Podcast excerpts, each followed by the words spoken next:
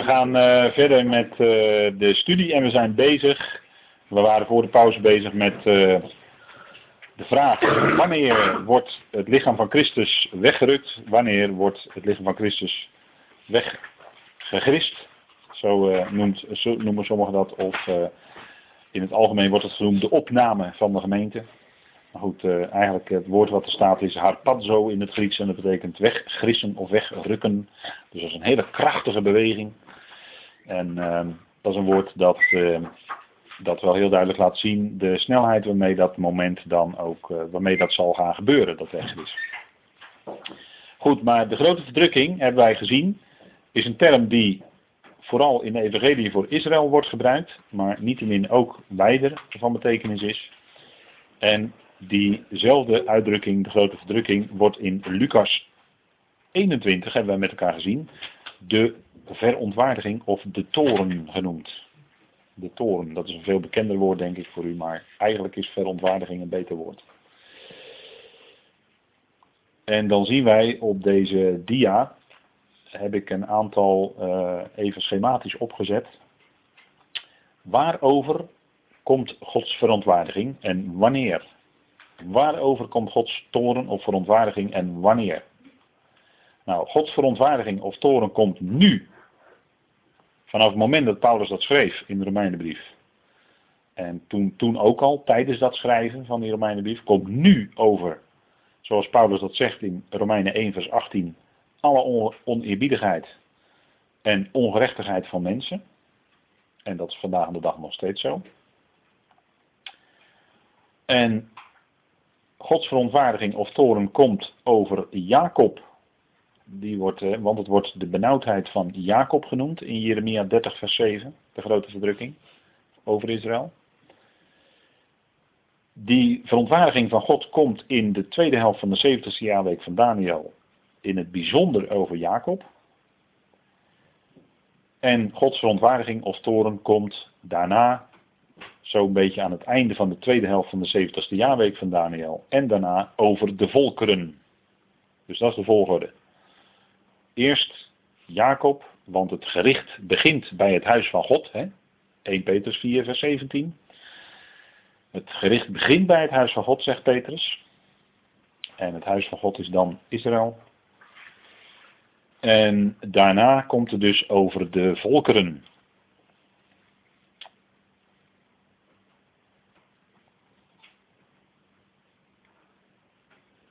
Goed, dat vastgesteld hebbend, uh, komen wij dus aan de vraag toe, wanneer wordt dan de gemeente, die het lichaam van Christus is, weggerukt? En u ziet hier nog een uh, mooi, mooi fotootje even tussendoor op de, op de berg bij de vlakte van Megiddo. Dus als je hier op zou staan, zou je een heel uitzicht hebben over die vlakte van Megiddo. Ook dat even tussendoor. Hè. Kijk, voor het lichaam van Christus geldt Romeinen 5 vers 9 dat wij gered worden voor de verontwaardiging. Wij worden gered. Wij zijn in zijn bloed gerechtvaardigd, weet u wel. Dat neem ik aan een tekst die u zo uit uw hoofd kunt citeren. Wij zijn in zijn bloed, in het bloed van Christus, gerechtvaardigd en worden daarom gered voor de verontwaardiging. Dan zegt Paulus in 1 Thessalonicense 1 vers 10. En dat is eigenlijk een vroegere brief dan de Romeinenbrief. Dus Thessalonicense is eerder geschreven dan Romeinen. En dan staat, hij bergt ons, 1 Thessalonicense 1 vers 10, dan gaat het over de Heer Jezus Christus uiteraard. Hij bergt ons uit het komen van de verontwaardiging. Dus dan is de verontwaardiging nog bezig te komen, die is er dan nog niet. En uit die fase dat die verontwaardiging bezig is te komen, uit, in die tijd redt hij ons, bergt hij ons. Dus worden wij weggerukt. 1 Thessalonicense 4, hè, heel bekend, hè, van de gemeente. 1 Thessalonicense 4 en dan ontmoeten wij de Heer in de lucht.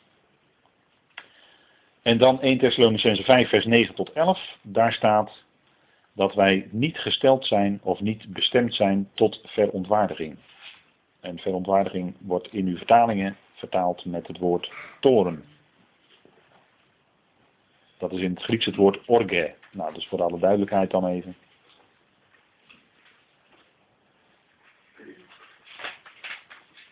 Wij zien dus dat het lichaam van Christus wordt weggerukt voordat de verontwaardiging van God over Israël, dat is dus de tweede helft van de 70ste jaarweek van Daniel, en, de, en voordat die verontwaardiging over de volkeren komt, wordt weggerukt.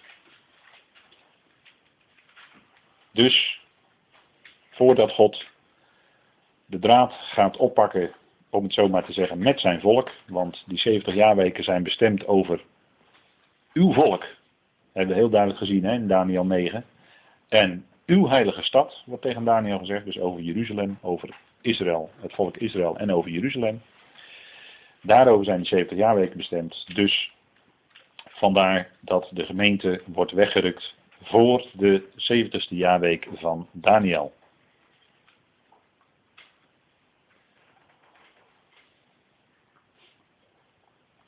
En omdat we hebben gezien vanavond dat de grote verdrukking in Lucas genoemd wordt, de verontwaardiging, kan de gemeente dus per definitie niet door de grote verdrukking gaan. En ik heb dat, dat dacht ik nu vanavond aan u aangetoond.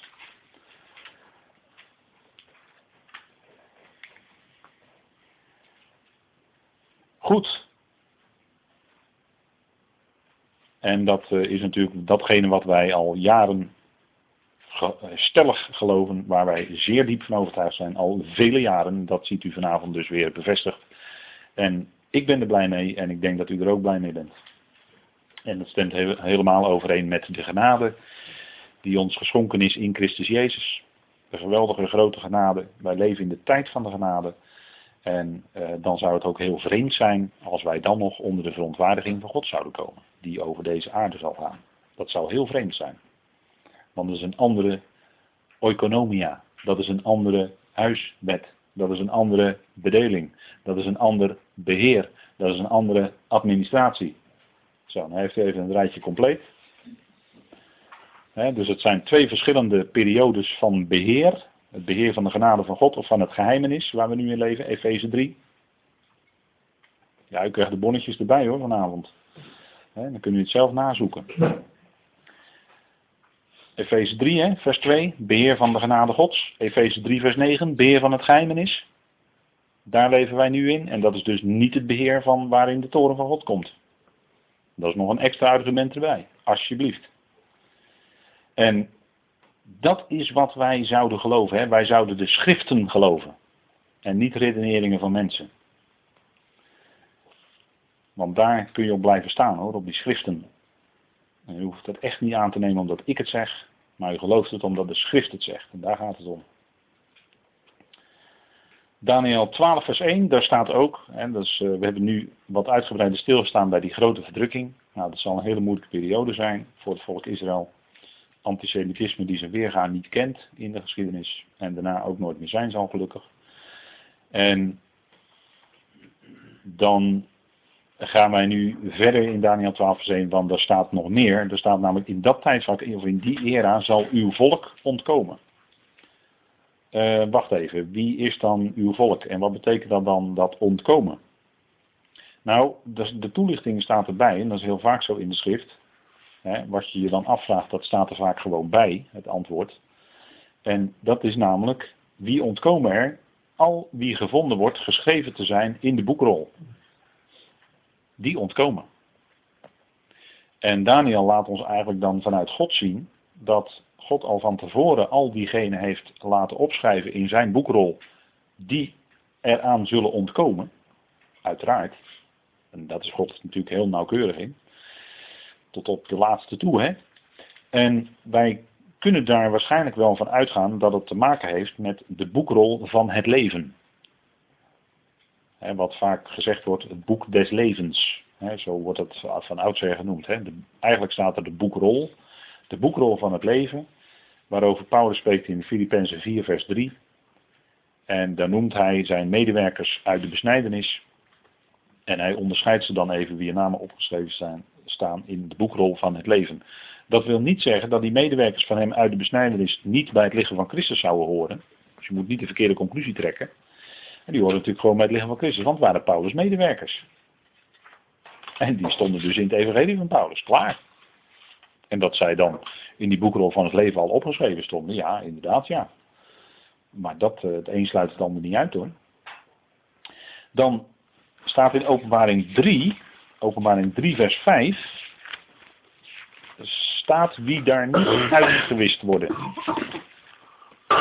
Wie worden niet uit die boekrol gewist? Nou, dat staat in openbaring 3 onder andere. Vers 5, dat zoeken we even met elkaar op.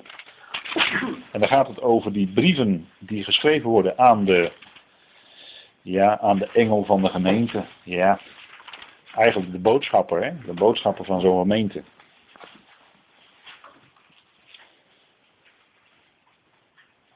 Openbaring 3 en dan vers 5. Even voor het verband, want openbaring 2 en 3, als we daar aan toe komen, dan wordt het nog uitvoerig behandeld. Wie overwint, staat er in openbaring 3 vers 5. En steeds wordt er bij die gemeentes een belofte gegeven aan de overwinnaars, hè, de, zeg maar de volhouders tot het einde. Degene die volhardt tot het einde, hè, dat zijn die overwinnaars. Wie u overwint zal bekleed worden met witte kleren. En ik zal zijn naam beslist niet uitwissen uit het boek des levens. Maar ik zal zijn naam beleiden voor mijn vader en voor zijn boodschappers. Wie oren heeft, laat hij horen wat de geest tegen de gemeenten zegt. Nou, dat is even voor deze gemeente. Dus hier gaat het om dat de overwinnaar krijgt de belofte mee dat zijn naam niet uitgewist zal worden uit de boekrol van het leven. En in Daniel 12 staat dan heel beknopt, wie ontkomen er?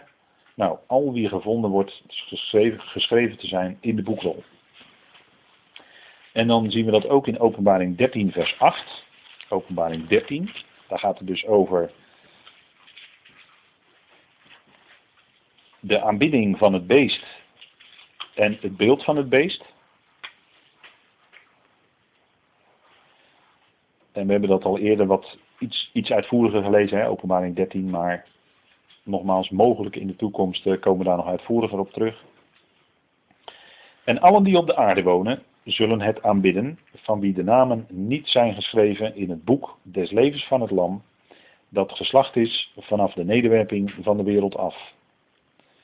Of van de nederwerping van de wereld af. Dus die namen van degene die, en degene die van Israël misschien uh, in eerste instantie wel in die boekrol ingeschreven stonden, die zullen daar uitgeschreven worden. Die zullen namelijk gedood worden. Of uh, die zullen daar, uh, sorry, die zullen daar uitgeschreven worden als zij wel dat beeld en dat beest aanbidden. Kennelijk wordt dan hun naam uit dat boek gewist. Want dat boek des levens heeft iets te maken met de opstanding. En uh, de aanbidders van het beest, die zullen dus hun naam niet terugvinden in het boek. Maar die aanbidders van het beest, die zullen dus, dus dan uh, ook het merkteken van het beest enzovoort hebben. Nou, u kent allemaal wel wat daarover uh, geschreven en gezegd wordt, die, met die chips enzovoort.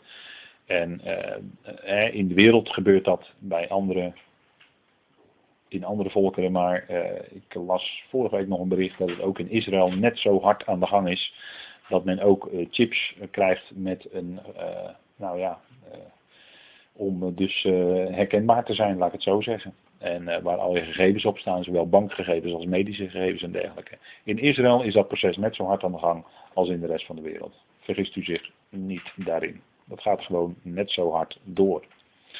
Dus wat dat betreft is daar, wordt daar geen uitzondering op gemaakt. Goed, nou we gaan kijken nog naar die boekrol. Uh, degene die kunnen bestaan, hè, want als je nou gaat afvragen, ja, maar wie kan er dan eigenlijk bestaan in die dag, hè, of in die dagen? Um, nou, dan hebben we de belofte eigenlijk vanuit Daniel dat God allen kent die het zullen overleven. Die zijn geschreven in de boekrol. Dat zegt hij hier, hè? dat is een geweldige belofte natuurlijk. En dat moet natuurlijk geweldig bemoedigend zijn voor de gelovigen uit Israël die dat straks zullen lezen. En die uit Daniel dan allerlei dingen zullen uh, kunnen gaan herkennen. En die dan ook zullen herkennen hierin, hé, hey, wat geweldig is dat, ik mag de Heer kennen. En mijn naam is kennelijk opgeschreven in de boekrol van het leven.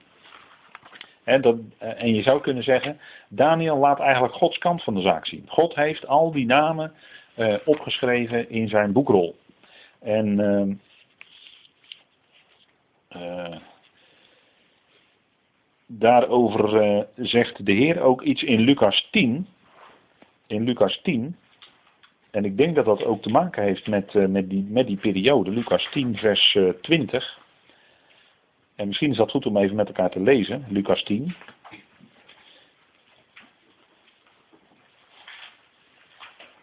En dan zendt de Heer daar 70 van zijn discipelen uit.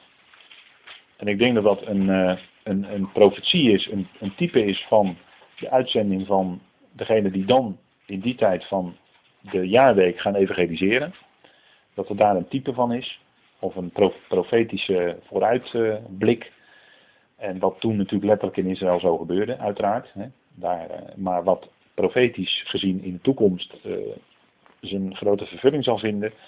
En dan lezen we even vanaf vers 18. En hij zei tegen hen, of nee, vers 17, de 70 die dus uitgezonden waren door de Heer, die zijn met het evangelie van het koninkrijk. De 70 zijn teruggekeerd met blijdschap en zei de zelfs de demonen zijn in uw naam aan ons onderworpen. Zo zal het ook zijn met die evangelisten die straks vanuit Israël gestuurd worden.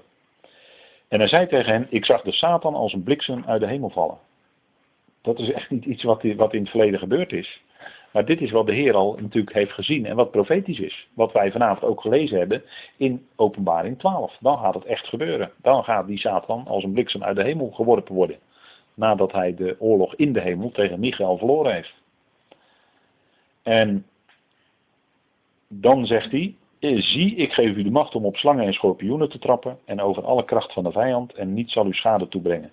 Dit moet u dus vandaag de dag niet doen. En er zijn natuurlijk kringen waarin men dat wel doet. En waarin men bij gelegenheid soms ook dan wel met de dood moet bekopen. Dus doet u dit niet, want wij leven vandaag niet in de tijd dat het koninkrijk, het aardse koninkrijk opgericht wordt. Wij leven dus ook niet in de dagen dat het evangelie van het koninkrijk gepredikt moet worden. Dat zouden wij niet doen. En we zouden dus dit dus ook niet doen, want dan komt het wel eens slecht met je aflopen. U bent, uh, nou u weet dat wel. Maar anderen kennelijk die denken daar anders over. Verblijft u echter niet daarover dat de geesten aan u onderworpen zijn, dus die demonen, hè, want daar hadden ze het over in vers 17. Maar dat uw namen opgeschreven zijn in de hemel. Kijk, daar heb je het, hè. Dat is dat die namen opgeschreven zijn in die boekrol. Dat is wat Daniel zegt. Zegt de Heer, verblijd je daarover dat je namen zijn opgeschreven in de hemel, de boekrol van het leven. Als u het mij vraagt, verwijst de Heer hiernaar. En eh, goed, hij zegt het niet letterlijk, dus eh, enige reserve misschien, maar toch, als je de dingen naast elkaar legt, leg die schriftplaatsen naast elkaar, hè? schrift met schrift vergelijken. Dan ga je het zien. Ja, en dan, ehm, de, dus Daniel laat Gods kant zien, hè? Daniel 12 vers 1. En dan zien wij de menselijke kant eigenlijk in Matthäus. Dat is wat de Heer zegt, volhard tot het einde en dan zul je gered worden. De Heer laat dan de menselijke kant zien. Dus die gelovigen uit Israël, die zullen volharden, die zullen moeten volharden tot het einde. Dus is een stukje voorwaarde zou je kunnen zeggen. En dan zullen zij gered worden, dan zullen zij namelijk dat aardse koninkrijk binnenwandelen. dus dat wordt tegen de 70 in Matthäus 10 gezegd en ook in Matthäus 24 vers 13. En het volgende vers spreekt dan over dit evangelie van het koninkrijk. Dus dat heeft het heel nauw mee te maken. Uh, de Heer laat dan eigenlijk de menselijke kant zien, hè? volharden tot het einde. Maar Gods kant zien we bij Daniel. Hun namen staan geschreven in die boekrol. En zij volharden dus tot het einde. En de Heer geeft ze dan daarvoor de kracht. Dat is natuurlijk de andere kant van de zaak. Dus wie zal kunnen bestaan in die dag? Nou, dat zijn dus al diegenen die opgetekend staan in die boekrol. En dan is er natuurlijk ook een belofte van leven, want uh, Israël zal natuurlijk herleven.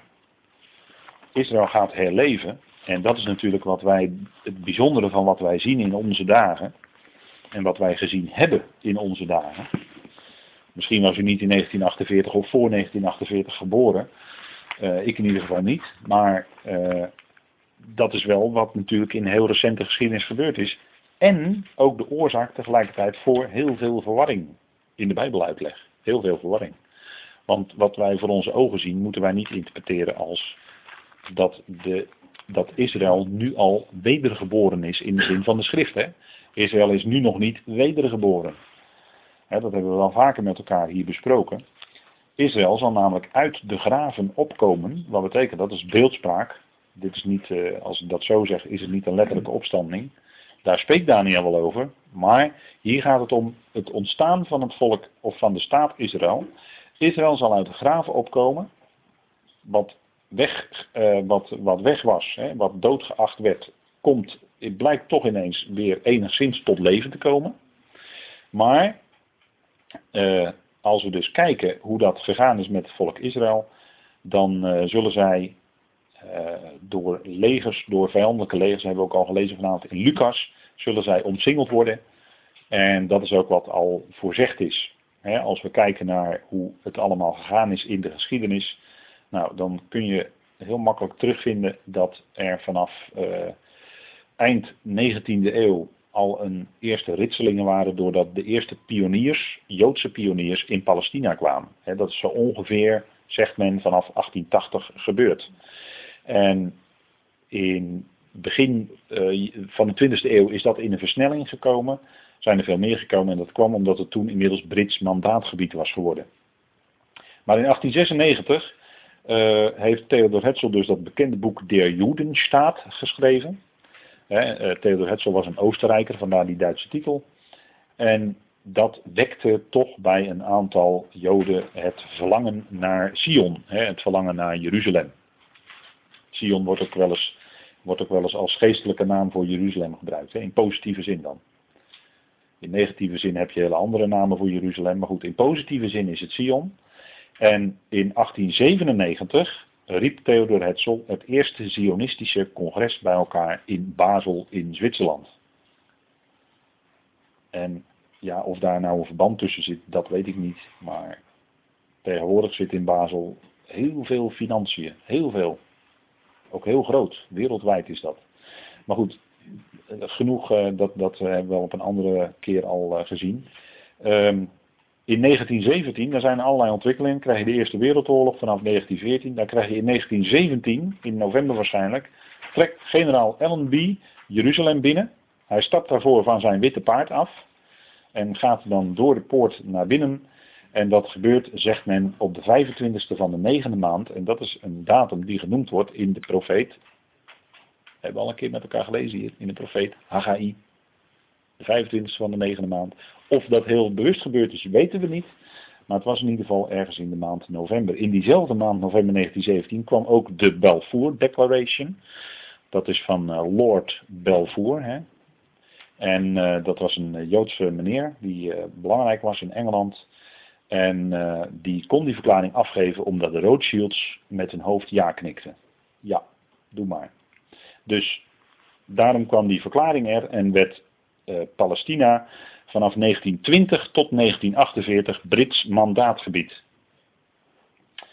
En uh, in die periode kwam er eigenlijk wel een beetje een versnelling. Er kwamen veel uh, Joodse pioniers, met name vanuit Oost-Europa en Rusland. En dat waren dus allemaal socialisten, dan wel communisten. Vandaar de kibbutzim, hè, dat is op socialistische leest geschoeid. En nou, daar had je er heel wat van in die ontwikkelperiode. Er kwamen steeds meer en uiteindelijk uh, resulteerde dat natuurlijk in, in wat, wat uh, oneenigheid. Want toen zij daar kwamen, uh, woonden daar een aantal Bedouinen, zeg maar. Hè, een aantal van die, van die nomaden, volkeren daar. Die woonden daar in het land. En vanaf 1948, nou in, in mei 1948, meen ik, werd de staat Israël afgekondigd. Na de beslissing van de Verenigde Naties. Ik weet niet meer het aantal voorstemmers en tegenstemmers, maar in ieder geval, dat, uh, dat is allemaal heel erg bekend. Hè. Toen ontstond dus de staat Israël. En dat stond in de profetieën. Ik wil niet zeggen dat het een uiting was van geloof, maar het was profetisch wel voorzegd. Ezekiel, hè? Ezekiel 37. En dan hebben we natuurlijk ook dat andere punt, wat daar natuurlijk ook een beetje vanuit die tijd ongeveer dateert. Want uh, ja, er was een probleem. Want in 1948 werd dus officieel de Joodse staat afgeroepen, uitgeroepen. En uh, de omringende Arabische volkeren waren daar helemaal niet mee eens. En wat zij die, die zeiden tegen de Arabieren die in Israël woonden, zeiden ze van, uh, ga er maar uit. Dan schieten wij dat, uh, die Joden allemaal wel overhoop en dan kunnen jullie daarna weer terugkeren. Dan zeg ik het even heel kort met mijn eigen woorden. Zo is het gegaan. En dat hebben ze voor een deel gedaan. Een deel bleef er ook zitten.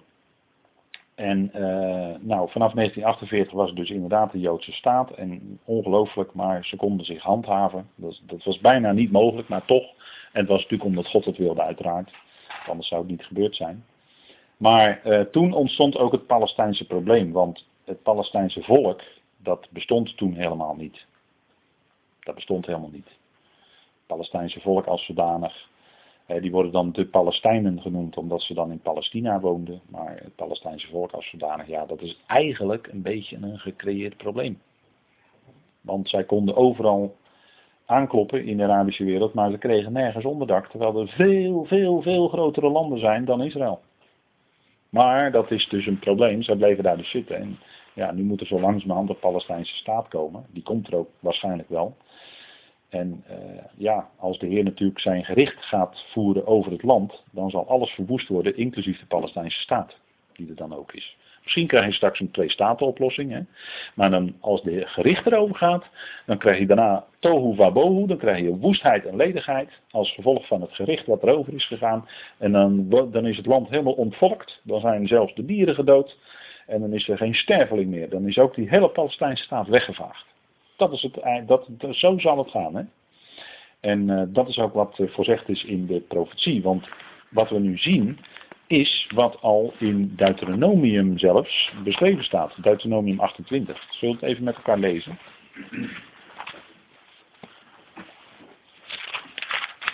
Kijk, want al, wat, al die woorden die de Heer al gesproken heeft, en eigenlijk Deuteronomium 28 is een, zijn een aantal uh, woorden die Mozes gesproken heeft. Dat zei ik eerder vanavond. Uh, vlak voordat hij stierf, want toen hadden we het even over Michael die twiste met de duivel over dat lichaam van Mozes, weet u wel.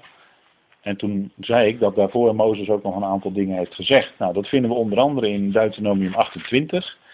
En daar lezen we vanaf vers 21, even voor, uh, om destijds willen. Want u zou eigenlijk het hele hoofdstuk moeten lezen, want dan krijgt u een eigenlijk een profetische blik over de hele geschiedenis van het volk Israël. Wat er met hen zal gebeuren. Eerst de zegen, als zij dus zouden geloven en gehoorzaam zijn aan wat God zegt. Dan zouden ze dus de zegen krijgen. En deden ze het niet, dan krijgen ze de vloek.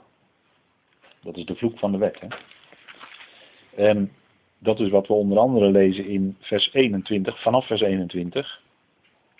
En er staat, de Heer zal de pest aan u laten kleven dat is dus als ze ongehoorzaam zijn de gevolgen. Hè? Als ze nog in het land blijven. Totdat hij u vernietigd heeft uit het land waar u naartoe gaat om het in bezit te nemen. De Heer zal u treffen met tering, koorts en ontsteking, met hitte en droogte, met korenbrand en meeldauw. Dus ook met allerlei eh, ziekten in de gewassen. Hè? Die u achtervolgen zullen totdat u omkomt. Dus ziet u tot hoe ver het gaat. Uw hemel die boven uw hoofd is, zal van brons zijn of van koper. Hè. Daar, krijg, daar heb je dus die uitdrukking van. Ja, ik bid wel, maar de hemel lijkt wel van koper. Nou, dat komt dus hier vandaan. En de aarde die onder u is, zal van ijzer zijn. Dus met andere woorden, zij zullen bidden, maar de Heer zal hen niet verhoren. En dat is ook wat Jeremia zegt, hè? de Heer tegen Jeremia. De Heer zegt tegen Jeremia, bid niet voor dit volk. zegt hij wel drie keer in de profetie van Jeremia. Hè? Bid niet voor dit volk ten goede, zegt hij zelfs. Want zij zullen onder het gericht komen, dat is dan onontkoombaar. De hemel, uw hemel die boven uw hoofd is, zal van koper zijn, of van brons. En de aarde die onder is, zal van ijzer zijn. De Heer zal stuifzand en stof geven als regen voor uw land. Dus droogte, hè? onvruchtbaarheid. Uit de hemel zal het op u neerdalen, totdat u weggevaagd bent. Ziet u? Dus het is een van de twee. Of ze worden eruit gejaagd, of ze worden gedood. Maar ze zullen eruit moeten, want ze leven niet in geloof in het land. Zij zullen omkomen door ongeloof. De Heer zal u geven dat door uw vijand, dat de Heer, let op wat hier staat, hè, vers 25. De Heer zal geven dat u door uw vijanden verslagen wordt. Tot nu toe hebben ze misschien hier en daar oorlogen kunnen winnen, inderdaad. Maar er zal een tijd komen en dat is nabije toekomst, wat, wat hier staat werkelijkheid zal worden. Dat hebben we ook gelezen in Daniel. Hè? Over één weg zult u tegen hen uittrekken, maar over zeven wegen zult u voor hen wegvluchten. U zult een schrikbeeld worden voor alle koninkrijken van de aarde. Dat is nog wat in de toekomst gaat gebeuren. Hè? En dan staat er, uw dode lichaam, let op het enkelvoud, uw dode lichaam zal voedsel zijn voor alle vogels in de lucht en voor de dieren op de aarde en niemand zal ze schrik aanjagen. De Heer zal u treffen met zweren van Egypte, met gezwellen, met uitslag en schurf, waarvan u niet genezen kunt worden. De Heer zal u treffen met krankzinnigheid, met blindheid en verdwaasdheid van hart. De betekenis van dit vers, dit laatste vers, laat ik even voor nu liggen. Maar in vers 26 wordt gesproken over uw dode lichaam. En waar vinden wij dat meer in de schrift? In Ezekiel, ja zeker, maar wij vinden het ook in Matthäus 24. Juist, Matthäus 24. Matthäus 24. Dit is wat de Heer Jezus aanhaalt. Laten we het even ernaast leggen. En u vindt het ook in Lucas 17. Maar het gaat, Matthäus 24 is uh, duidelijk genoeg, denk ik.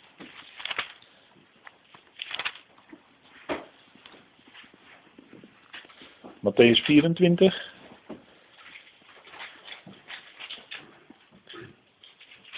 Vers 28.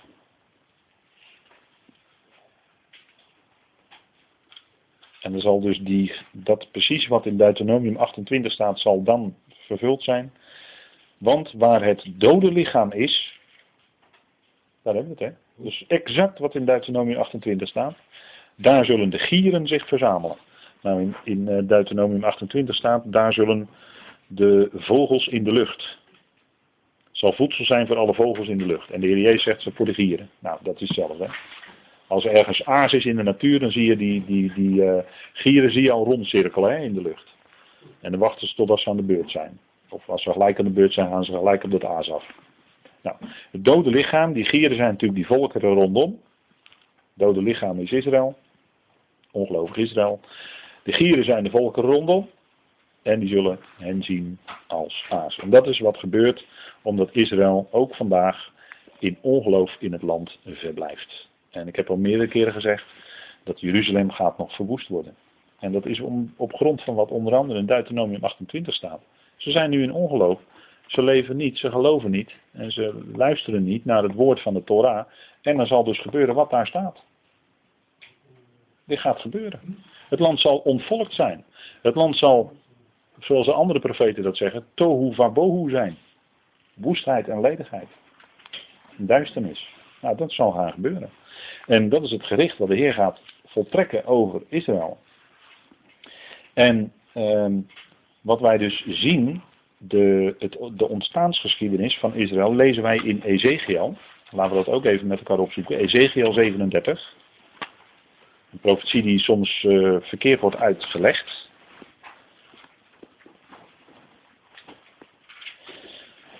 Ezekiel 37. We zijn eh, bezig met het profetisch woord vanavond, dat merkt u. We bladeren hier en daar wel even wat rond in dat profetische woord. En dat is ook goed, want je moet schrift met schrift vergelijken.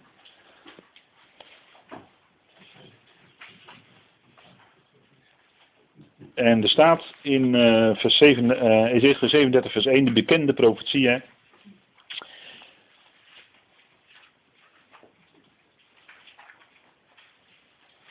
De hand van de Heer was op mij, dat is op Ezekiel, en de Heer bracht mij in de geest naar buiten en zette mij neer midden in een vallei. Die lag vol beenderen. Dat is natuurlijk een visioen, hè, wat hij ziet.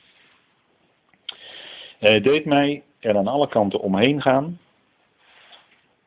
of letterlijk rondom, rondom langs hen gaan.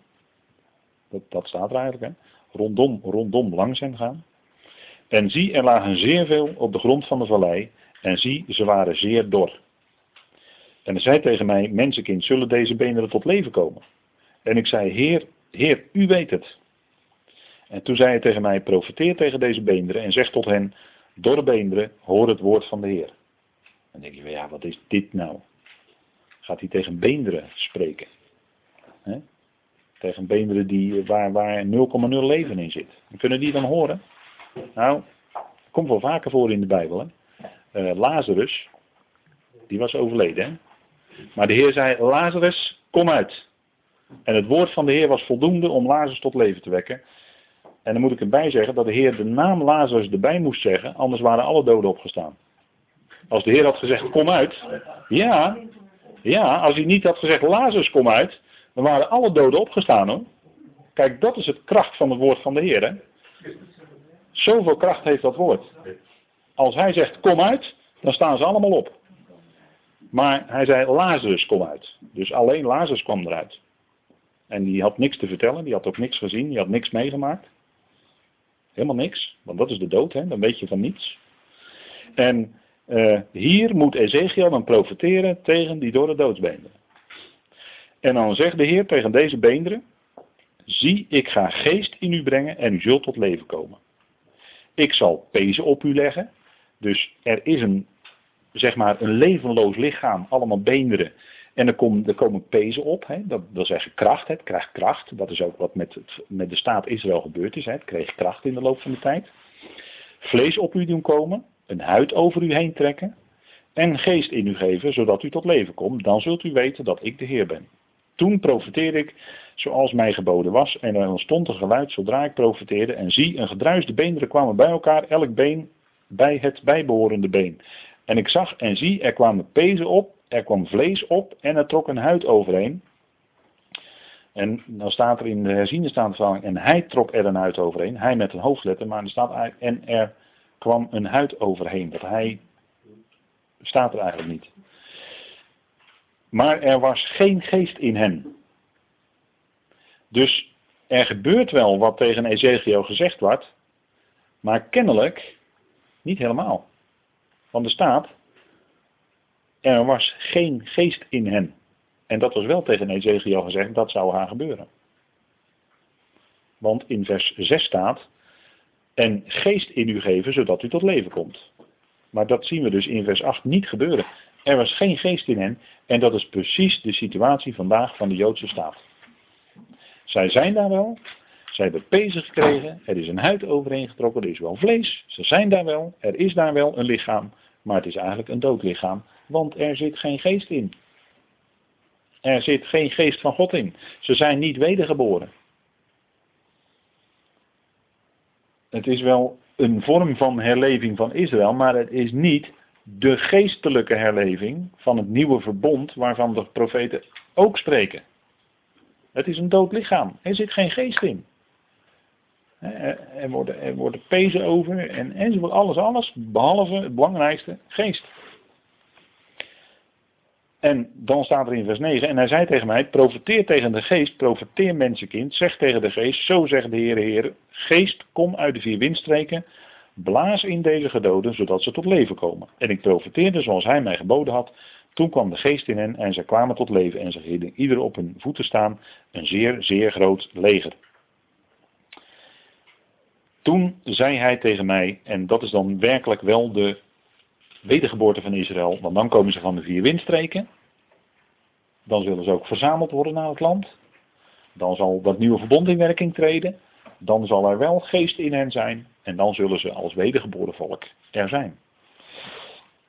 En dan staat er in vers 11. Toen zei hij tegen mijn mensenkind, deze beenderen zijn heel het huis van Israël.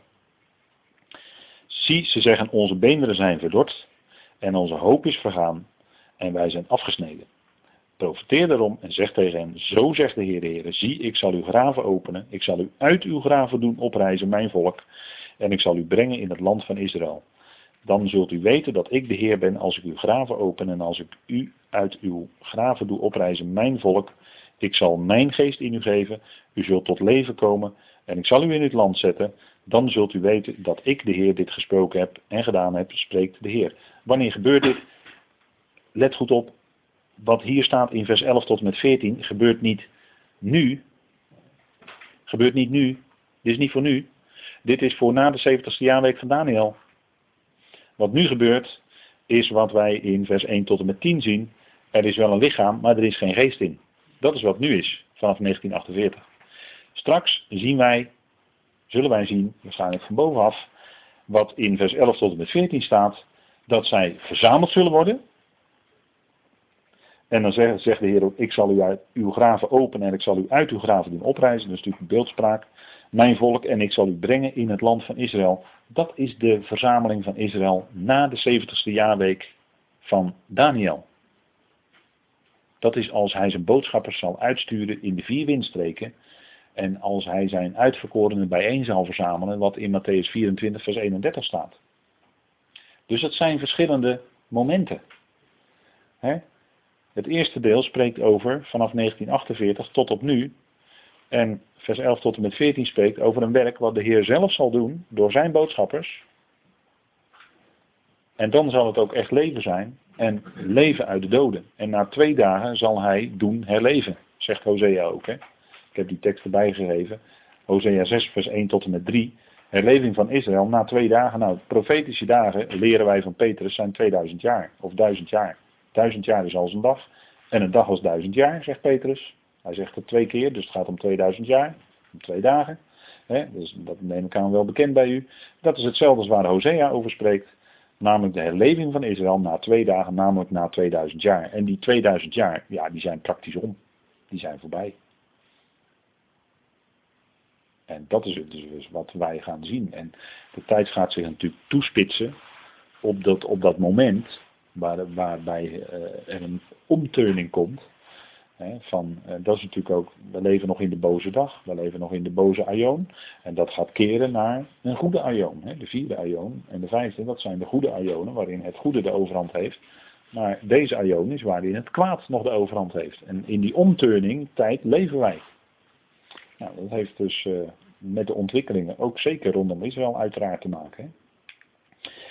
Goed, dan uh, Daniel 12 vers 2, daar staat, velen die slapen in het stof van de grond zullen ontwaken, deze tot eonisch leven en deze tot versmading, tot eonische afstotelijkheid.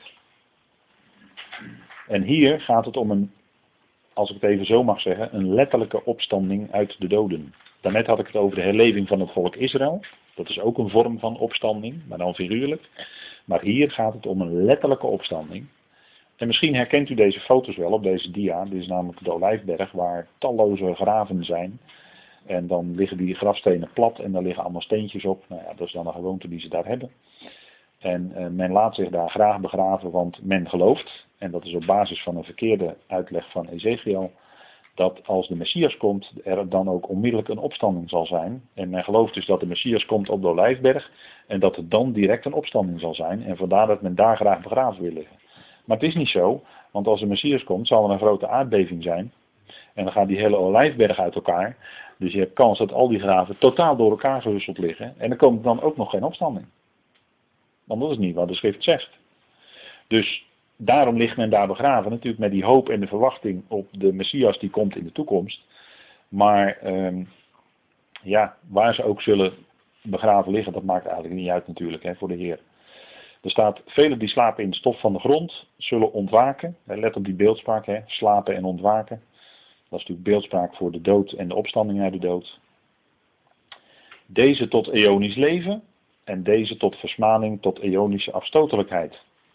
En dat is de moeilijkheid van Daniel dat hij wel dingen zag, maar hij zag onvoldoende details. En die details worden later in de schrift ingevuld, bijvoorbeeld in het boek Openbaring.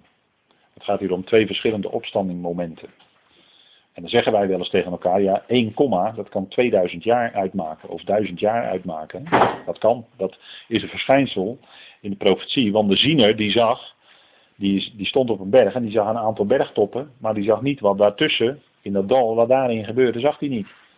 En later komt er dan een andere profeet, bijvoorbeeld Johannes, die ziet dan wel wat er gebeurt. En uiteindelijk komt Paulus en die kan alles helemaal.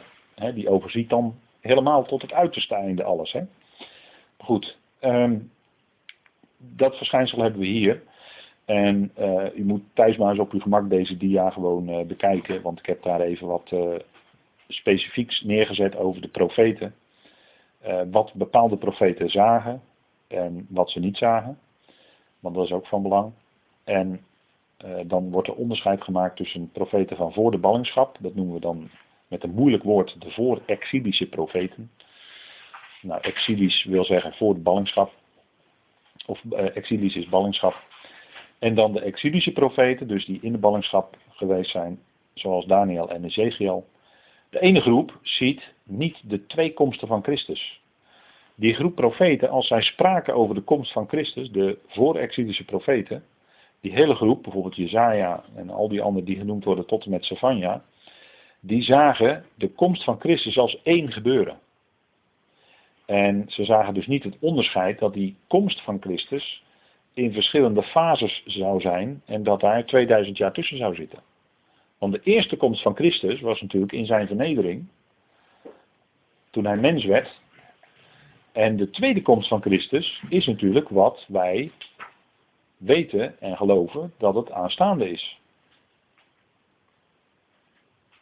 En nu hebben we het even niet over de wegrukking van de gemeente. Hè. Dat is apart, dat is geheim, dat, is, uh, dat, is, dat hoort bij het beheer van het geheimenis, dus dat laat ik er nu even buiten. Maar het gaat hier om zijn komst voor het volk Israël, de zichtbare komst, zijn verschijning. Nou, de eerste verschijning was toen hij mens werd op aarde. En de tweede verschijning is als hij komt en zijn voeten zal zetten, onder andere op de Olijfberg. En die eerste groep profeten die zagen dus niet die twee komsten van Christus, maar die zagen dat als één geheel. En de exilische profeten, dus de profeten van de ballingschap, die zagen wel twee komsten van Christus, maar ook die hadden een beperking, want die zagen niet de gebeurtenissen na die tweede komst. Ze zagen dat niet als afzonderlijk, maar als voor hun idee, wat zij zagen, leek het alsof het één gebeuren was, één tijdstip. En vandaar dat Daniel zo schrijft dat deze zullen ontwaken of opstaan, ontwaken, opstaan tot eonisch leven, zeg maar. En die andere tot eonisch versmading, afstotelijkheid. En nou dacht Daniel dat het één gebeuren was. Maar wat blijkt, als we dat later ingevuld krijgen in het boek Openbaring, dan zien wij dat dus tussen die twee momenten want het blijken dus twee verschillende momenten te zijn. Eerst de opstanding ten leven. En later pas die opstanding tot gericht, zoals uh, Johannes 5 dat zegt. Uh, daartussen zit duizend jaar, blijkt duizend jaar te zitten. Boek Openbaring. En dat zagen die profeten niet. Het is dus een, een, een, plaatje, zou je kunnen zeggen, wat zich langzaam ontvouwt. Langzamerhand in de tijd wordt er steeds meer duidelijk. En daarom kom ik nog even terug op een bepaald schriftprincipe. Dat is, wij moeten niet de, het Nieuwe Testament lezen in het licht van het Oude, maar wij zouden het Oude lezen in het licht van het Nieuwe. Dat is een heel belangrijk principe. Draait om, dan voorzeg ik u dat u in verwarring komt en dat u er niet meer uitkomt. En dit, is een, dit lijkt misschien even een heel moeilijk verhaal, omdat het aan het eind van de avond is. En u heeft al zoveel gehoord. Maar um, ik zou zeggen, bestudeer dit en laat het, laat het thuis eens even goed tot u doordringen als u dit misschien nog eens naluistert. Um, want dit is heel belangrijk. Deze, deze dingen zijn heel belangrijk om tot een goed begrip te komen. Hier zien we nog even een overzichtsfoto van de Olijfberg. Dat grote daarvoor aan was het graf van Zacharia. Wie weet dat toevallig nog? U bent daar ook geweest, hè? Was niet graf van Zacharia? Dacht het wel. Maar goed, Maakt verder niet uit. Dat zegt men natuurlijk in de overlevering, de daadgraf van Zacharia. Dus hou me te goede, of zo, hè, voor wat het waard is. Maar goed, twee opstandingen dus. Ik heb het op deze dia even wat gespecificeerd. De eerste opstanding is tot eonisch leven. Dat is de, de eerste of de vorige opstanding, zoals het in de openbaring genoemd wordt. En dan zitten daar duizend jaar tussen. En dan de tweede opstanding is tot afgrijzen of tot veroordeling. Dat is dan openbaring 20 allemaal. Hè? In openbaring 20 vers 4 tot en met 6 kunt u dat nalezen. Ik heb de teksten erbij gegeven, dus u kunt rustig voor uzelf thuis nog eens allemaal nalezen. De twee opstandingen. En dan uh, met dit uh, uh, denk ik dat het goed is om, om af te sluiten nu. Met deze opstanding voor ogen gaan wij uh, afsluiten vanavond. En wij weten natuurlijk dat uh, voor die eerste opstanding er nog een bijzondere opstanding komt. Dat is namelijk voor de heiligen. Die horen bij het lichaam van Christus, de gelovigen. Die zullen opstaan. De doden in Christus, hè, zegt 1 Thessalonicense 4. Dat zijn de leden van het lichaam van Christus die gestorven zijn in de afgelopen 2000 jaar. Die zullen bij de bazuin gods opgewekt worden in heerlijkheid en, zullen dan, en wij zullen dan, als wij dat moment levend meemaken, zullen dan samen tegelijk, en dan zeg ik het overdreven, maar zo zegt de schrift het ook, overdreven, samen met hen tegelijk weggerukt worden tot een ontmoeting met de Heer in de lucht. En zo zullen wij altijd met de Heer tezamen zijn. Nou, met deze woorden, waarmee we elkaar ook vanavond weer bemoedigen, wil ik graag afsluiten. Goed, zullen wij de Heer danken. Trouw vader, wij danken u dat we vanavond veel mochten horen. Vader, uw woord is rijk en veel. Het heeft veel te zeggen. Dank u wel, vader, voor dat profetische woord dat zeer vast is. En vader, we hebben ook vanavond weer gezien de waarde van het vergelijken van schrift met schrift. Vader, dat levert altijd weer nieuwe gezichtspunten op. Of nog duidelijker wat we misschien al mochten weten. Vader, maar dank u wel dat u ons stap voor stap inzicht geeft in de heilige schriften. En we danken u, Vader, dat we zo deze momenten met elkaar mogen zien, mogen meemaken. Luisteren mogen naar dat woord van u, Vader. En dank u wel dat we gelovigen zijn die geroepen zijn tot het lichaam van Christus, Vader, wat u uitroept. En wat binnenkort, Vader, dat geloven we stellig. En Vader, wat is misschien een luttel aantal jaren, we weten het niet, Vader, maar binnenkort weggerukt gaat worden van deze aarde, precies op tijd, in veiligheid gebracht, voordat u uw plannen verder voltrekt met uw volk Israël. Vader, want wij moeten eerst verwijderd zijn en dan pas zal de wetteloze zijn plannen kunnen doorzetten. Vader, daar is het wachten op in de geestelijke wereld. En vader, we danken u dat we geroepen zijn en dat u ons roept. En dat we dankbaar mogen zijn dat we in genade leven, dat we in genade geredden zijn. Dat er geen veroordeling is voor hen die in Christus Jezus zijn. Dat we overvloed van genade in hem hebben ontvangen. Vader, dank u wel dat u dit mogelijk maakt, dat u dit gaf vanavond. Vader wil het verder uitwerken in ons hart en leven. En Vader, mogen daardoor gesterkt worden. Dat we vaststaan met onze voeten op dat woord van u. Die belofte die u gegeven heeft, die u allemaal zult vervullen, Vader. Dank u wel voor die zekerheid. Dank u wel voor die heerlijkheid en rijkdom. Dank u wel dat we zo, Vader, in alle eenvoud ons mochten buigen. Wees ons genadig nabij, ook in de dagen die komen. Vader, in besef ook dat u nabij bent, ook bij hen die op dit moment verdriet hebben over een overledene, Vader. Wij zijn genadig nabij. Troost en bemoedigt u hen. Wees ook met hen die in, plotseling in een andere omstandigheid terecht zijn gekomen, Vader, en moeten revalideren. Vader, wees ook hen dicht nabij en geeft u hen ook troost en bemoediging. Vader, zo dank u voor alles wat u ons geeft in die machtige genade van u. We danken u daarvoor in de naam van uw geliefde Zoon, onze Heer Jezus Christus. Amen.